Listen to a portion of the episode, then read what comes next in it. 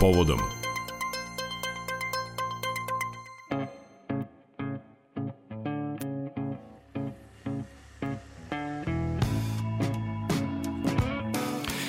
Vlada Srbije u petak je usvojila nacionalnu strategiju za mlade do 2030. godine, koja je jedan od najvažnijih dokumenta koji se bavi položajem mladih. Premijerka Ana Brnabić navela da je ovaj dokument odredio prioritete omladinske politike do 2030. godine i zato je važno što su se u proces njegovog kreiranja i donošenja uključili upravo oni kojih se ovo najviše tiče, mladi.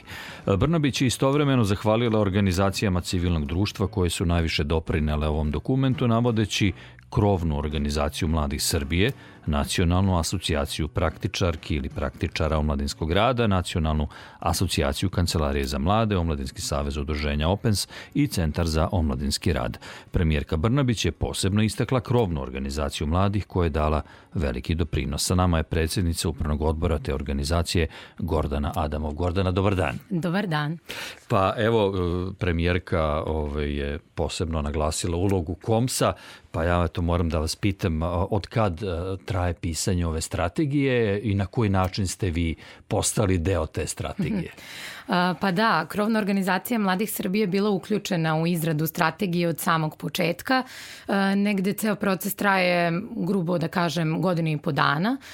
Tu je sada malo, imali smo neke poteškoće vezano kada je se menjala vlada, pa novo ministarstvo, pa se taj proces nekako odužio ovaj deo usvajanja, ali svakako smo zadovoljni time što, je, što su mladi i predstavnici mladih zaista bili uključeni, kažem, i kroz radne grupe, kom si bio dakle deo radne grupe za izradu strategije, učestvovali smo u javnim raspravama prošle godine, čak smo i kroz dijalog sa premijerkom u decembru 21. imali mogućnost i pružili mogućnost drugim mladima u Srbiji da kažu i predlože još neke mere uh, dodatne koje bi možda uh, mogle da uđu u strategiju, tako da možemo da kažemo svakako da je ovo jedna strategija po meri uh, mladih, ona oslikava dakle stvarne potrebe i probleme. Čuo sam da je izuzetno visok procenat vaših, neću reći primetbi, ali recimo sugestija usvojeno mhm. zapravo. Predloga, eto tako da, da kažemo, da. skoro 90% možemo grubo da kažemo naših predloga jeste ušlo u tu strategiju i zaista smo time moramo biti zadovoljni. Apsolutno.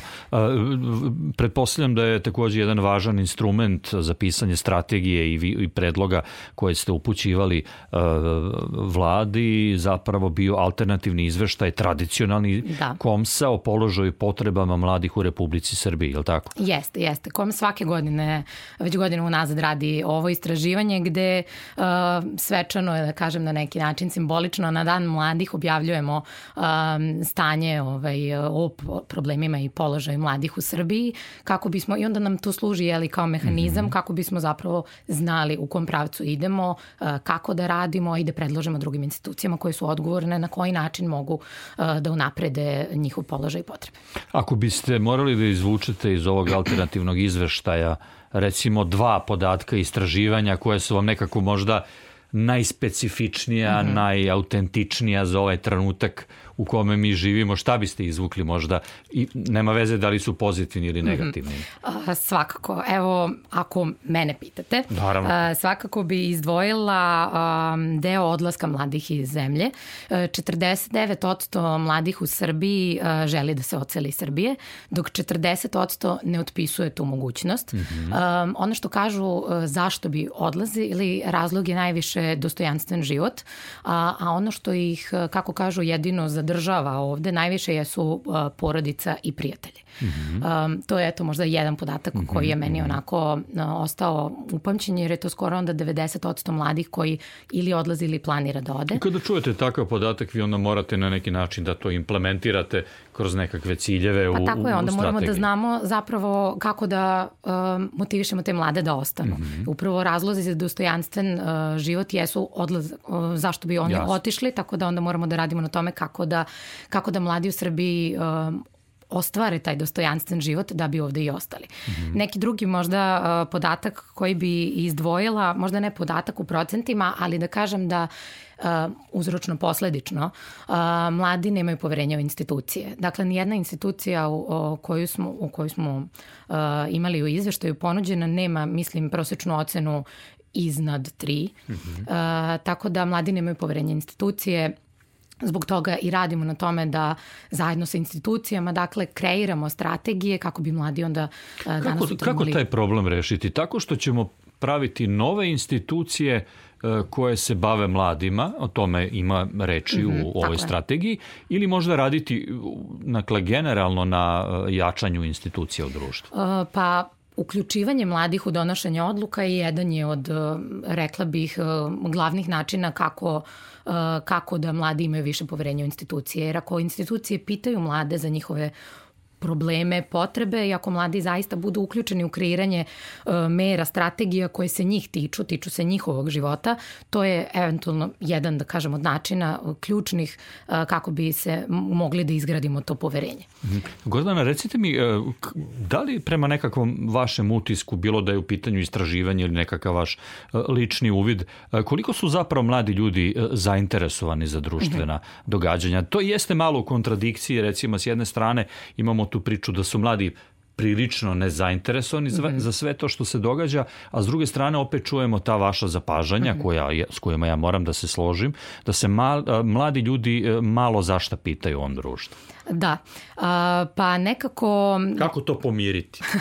pa kruži negde, ali ja mislim da je to više predrasuda o mladima, da su mladi nezainteresovani, da su uh, apatični, ali ja mislim da uh, mladi jesu zainteresovani, samo im treba uh, pružiti priliku, treba im pružiti mehanizme, otvoriti vrata, kako bi oni uopšte uh, mogli, mogli da se uključe. Jedan od glavnih možda problema jeste neinformisanost mladih, o tome dosta isto govorimo, gde mladi nisu možda informisani na koji način oni mogu da učestvuju u donošenju odluka odluka, uh, tako da sa jedne strane i mediji imaju odgovornost da informišu bolje mlade uh, na koji način oni mogu da budu uh, aktivni građani u ovom društvu, ali uh, više sam stava da mladi jesu zainteresovani da učestvuju, nego imaju jednostavno manje mogućnosti, posebno u svojim lokalnim zajednicama. Nekako u ovo poslednje vreme kada govorimo o omladinskoj politici najviše se ističe taj lokal uh, i ja kao neko ko dolazi iz ruralne sredine ovaj, sam zaista angažovana na tome da mladi u svojim lokalnim samoupravama, u svojim gradovima, opštinama prvenstveno utiču na donošenje odluka i poboljšanju svog života tamo, kako bi se jednog dana možda tamo i vratili. Na kraju krajeva vi ste nedvosmislen dokaz da ipak ima mladih ljudi koje zanima da utiču na društvene procese. Dokument koji je prethodio strategiji mm -hmm. od 22. do 30. je nacionalna strategija za mlade od 2015. do 2020. Kakva je bila njena sudbina? Kako su E, prošli ti akcioni mhm. planovi i na koji način je e, sve to što se oko nje događalo uticalo na pisanje ove nove strategije? Da. E, pa strategija za mlade, ona je kreirana dakle 2014. godine, ta stara o kojoj govorimo. Realno već 10 godina je skoro prošlo od tada, ona ne oslikava trenutno, dosta stvari se izdešavalo, izdogađalo, promenilo, ne oslikava stvarne potrebe i probleme mladih i nekako možemo da kažemo da je ona neki spisak lepih želja, Kažu ali... to za sve strategije. da, pa ne znam sada za ovu, smo vrlo optimistični, ali ovaj, ono što je ono je nedostajalo, a ova nova ima, uh, jeste, jesu jasni, jasno precizirani indikatori šta očekujemo do 2030. da se realizuje, a takođe imamo uh, onaj deo koji se tiče odgovornosti, koja institucija je odgovorna uh, koji deo, koju meru da sprovede, da realizuje i koji je indikator očekujemo da, da ostvari, tako da je sa te strane a, mnogo jasnija i možemo jasno da utičemo na koju instituciju i da kažemo da neko radi ili dakle, ne radi. Definisana je odgovornost za pojedine tako segmente. Je, tako je, tako je, tako je. Mm -hmm. I ima smanjen broj ciljeva u odnosu mm -hmm. na mhm, prethodnu mm -hmm. strategiju, to je moralo da se uskladi, imamo maksimum pet ciljeva koje smo mogli da definišemo u ovoj strategiji. Njima, da. da, sad ćemo više možda da. malo pričati o njima. Ona stara čini mi se da je imala devet. Mm -hmm. uh, tako da svakako, kažemo, veliki spisak nekih lepih želja, da. ali ništa konkretno. Da, možda je bolje da više nešto konkretnije sa manje yes, ciljeva, tako, ali tako. da su ostvarljivi. Koji su to pet ciljeva koje donosi ova nova strategija? Da, strategija a, propisuje ukupno pet a, posebnih ciljeva, to je pre svega standardizacija a, omladinskog rada, a, zatim opremanje prostora za mlade i unapređenje i otvaranje novih prostora uh, u svim jedinicama lokalne samuprave. Uh, zatim razvoj mehanizama aktivnog učešća mladih, uh, uslovi bolji za socijalno i ekonomsko osamostaljivanje mladih i peti cilj odnosi se na zdravlje, bezbednost i blagostanje mladih. Mm -hmm. Da, ova standardizacija kaže ovako... Omladinskog rada, da. Da, da, da, standardizacija lokalne omladinske politike i mhm. mehanizmi kako svi resori mogu da izdvajaju više sredstava za mlade i doprenesu međusektorska saradnju u oblasti podrške mladima. Je li to deo ta zapravo tog prvog ili je to malo obuhvaćeno zapravo svih pet? Da, malo se odnosi i na aktivno učešće. Mm -hmm. Ono što mi ono što se misli pod standardizacijom omladinskog rada jeste da je omladinski radnik nedavno pre par godina zapravo prepoznat kao zanimanje. Ono što sada je naš cilj, odnosno šta očekujemo da će ova strategija doneti, jeste upravo kako da se taj omladinski rad bolje prepozna, da omladinski radnici imaju način kako da se mm -hmm. kroz neformalno ili formalno obrazovanje edukuju o omladinskom radu i da oni budu prepoznati, dakle, i da rade na pozicijama i na mestima gde je to poželjno, kao što su, na primjer, kancelarije za mlade koje bi trebalo da rade sa mladima, pa zašto onda tamo da nemamo omladinskog radnika koji je obučen, obučen za rad sa mladima. Eto, šta, šta znači opremanje prostora? A, da, pa...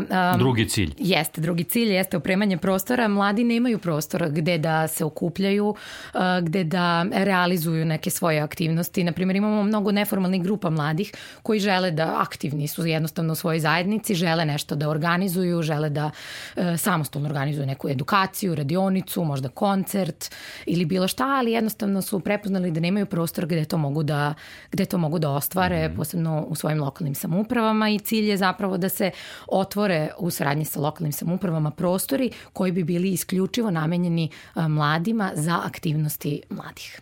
E, da li je do toga do sada bilo? Da li ima nekih pozitivnih primjera? E, da, da, ima pozitivnih primjera. Um, um, pa Opens je uh, učestvovao najviše o tome, pa Opens jeste omladinski centar ovde u Novom Sadu, a mislim da je Mionica bila, ako sam zapamtila, poslednje mesto mm -hmm. gde, se, gde se otvorio omladinski prostor. Tu su mm -hmm. još neke lokalne samuprave, a i u ovoj godini planiraju se otvaranje nekih, nekih novih prostora. Sada nisam sigurna tačno kojim gradovima, opštinama, ali radi se na tome, radi se svakako na tome. Ok, e, treći cilj, rekli ste da tu imate najviše da kažete. da, da, da, aktivno učešće mladih, to je negde, negde moj fah, da kažem, mm -hmm. nešto što mene najviše zanima, jeste zapravo pokretanje i uspostavljanje funkcionalnih mehanizama za aktivno učešće mladih, to je sad onako možda zvuči... Da, zvuči malo komplikovano, ali mi ćemo to da prevedemo. Jeste. To su zapravo mehanizmi koji dakle omogućavaju mladima da budu aktivni u svojim svojim lokalnim zajednicama. Ono što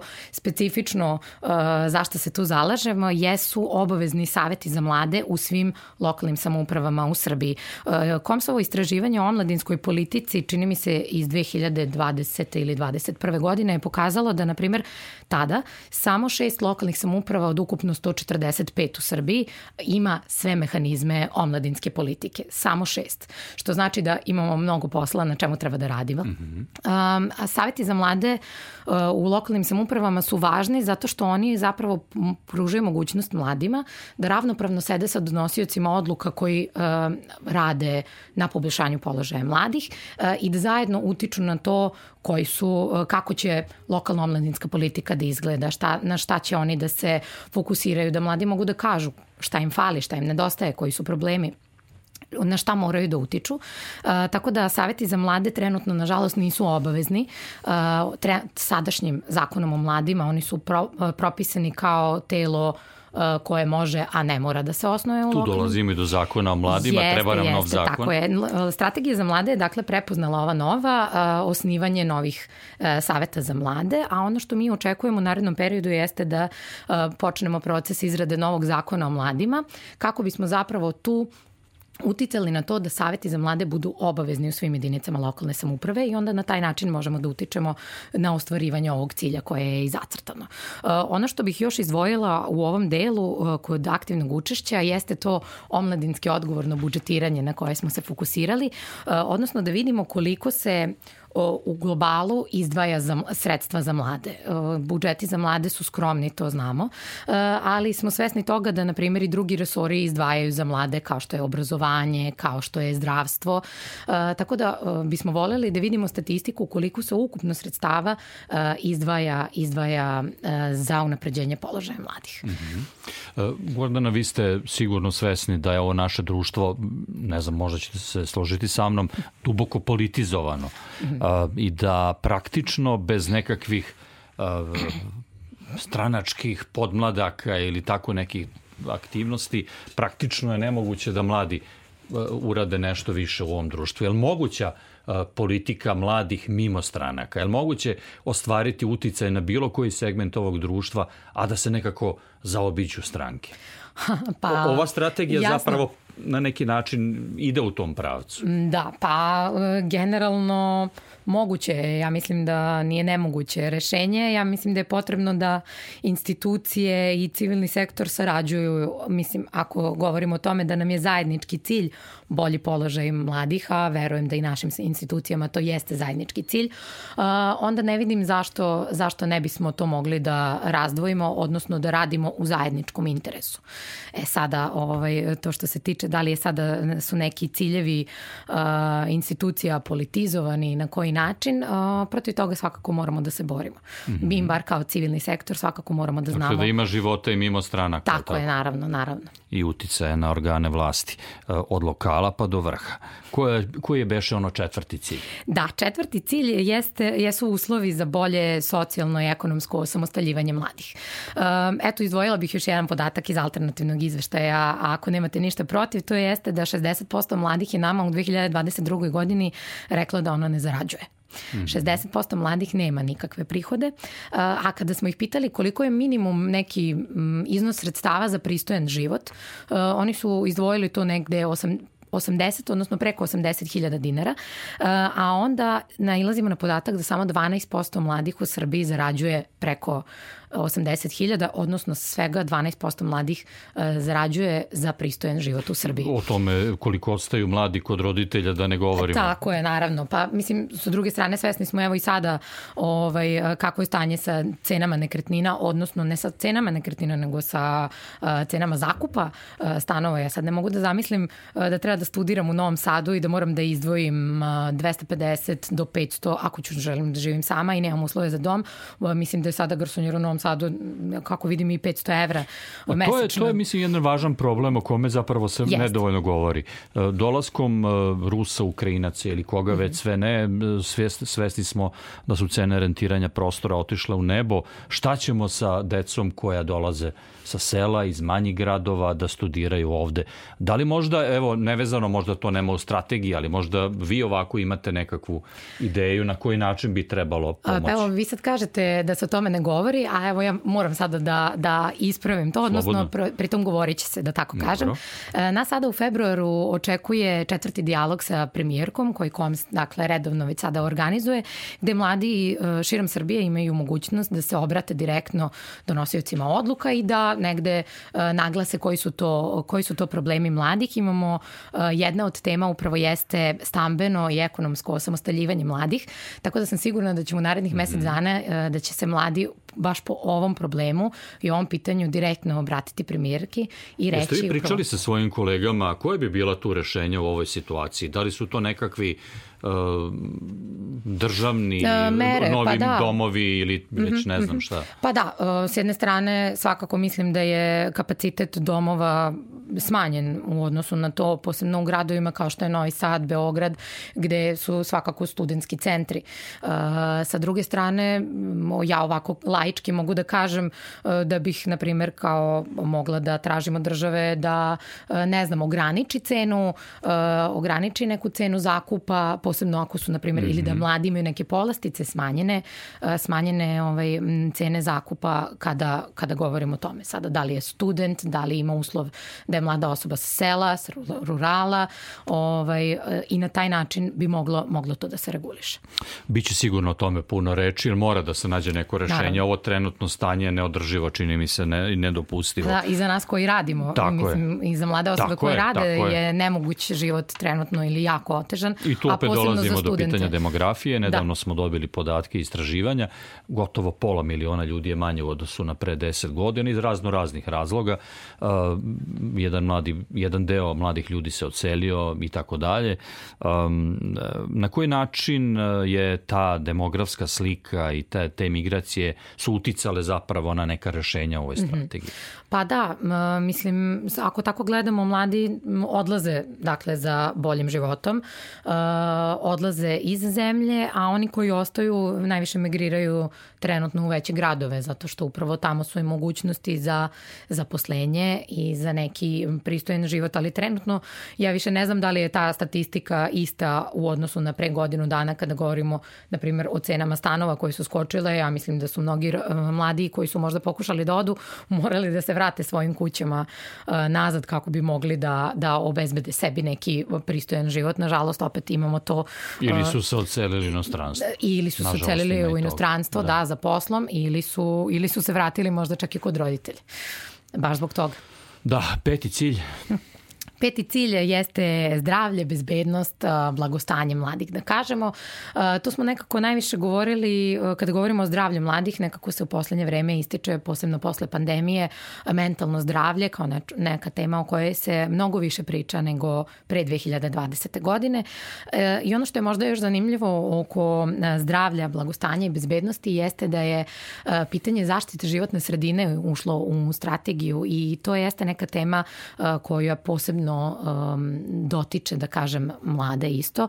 Imali smo, ovaj, znamo i zašto i kako je sve to mhm. počelo sada u poslednje vreme i ovim um, velikim ekološkim protestima u Srbiji koji su bili pitanjima uh, naše zaštite životne sredine, kako njoj brinemo, na koji način. Tako da, Pitanje da, eto, vazduha i tako dalje. Tako da. je zagađenja vazduha, ali ne samo vazduha. Da, da ima puno segmenta. Da. da, zemljišta, vode i ostalo. Tako da, eto, to su neke teme sada i fokus u narednom periodu do 2030. godine uh, teme koje su se, koje su se našle u strategiji i na kojima ćemo da radimo. Da, da ne bi bila uh, lista lepih želja, uh, vi ste već rekli jedan segment na koji način ste se pobrinuli da to tako ne bude.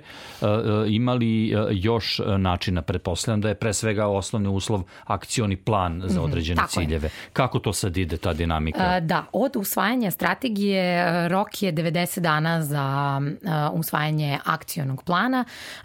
Čini mi se da radna grupa grupa svakog momenta, da kažem, u narednom periodu treba da se sastane i da počne da radi na tome, mm -hmm. tako da i tu ćemo uh, se svakako i kao krovna organizacija mladih uključiti uh, da motivišemo mlade i da ih što više uključimo i u kreiranje akcionog plana, kako bi taj akcioni plan u narednim godinama zaista uh, oslikavao to na koji način mladi uh, žele da se, da se ti ciljevi strategije ostvare. Mm -hmm. Tako da to nas očeka u narednom periodu, svakako radujemo se i novom zakonu o mladima, isto očekujemo da će ove godine početi izrada novog zakona kako bismo upravo te uh, regulative norme mogli da uskladimo da bi, da bi sve ovaj mogli da ostvarimo do 2030. godine. Kad dođe do pisanja zakona o mladima, kad on bude u nekoj završnoj fazi, mm -hmm. to će sigurno biti prilika da opet porazgovaramo. E sad ovako, na samom kraju, mislim da smo rekli najvažnije stvari u vezi sa ovom strategijom, ovaj, da vi imate neku moć u državi, koja bi to bila prva stvar koju biste promenili?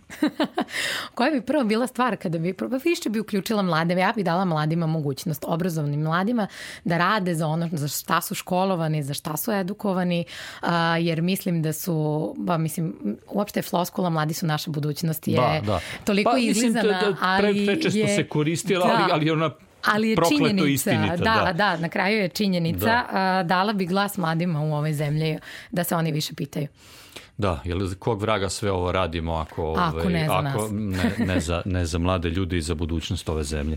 Uh, Gordana, hvala najlepše što ste bili hvala vama što ste naše nas emisije. Gordana Adamov, uh, predsednica Upravnog odbora Krovne organizacije Mladih Srbije. Razgovarali smo o strategiji za mlade koja je u petak usvojena na vladi, dakle strategija do 2030. godine. Hvala još jednom.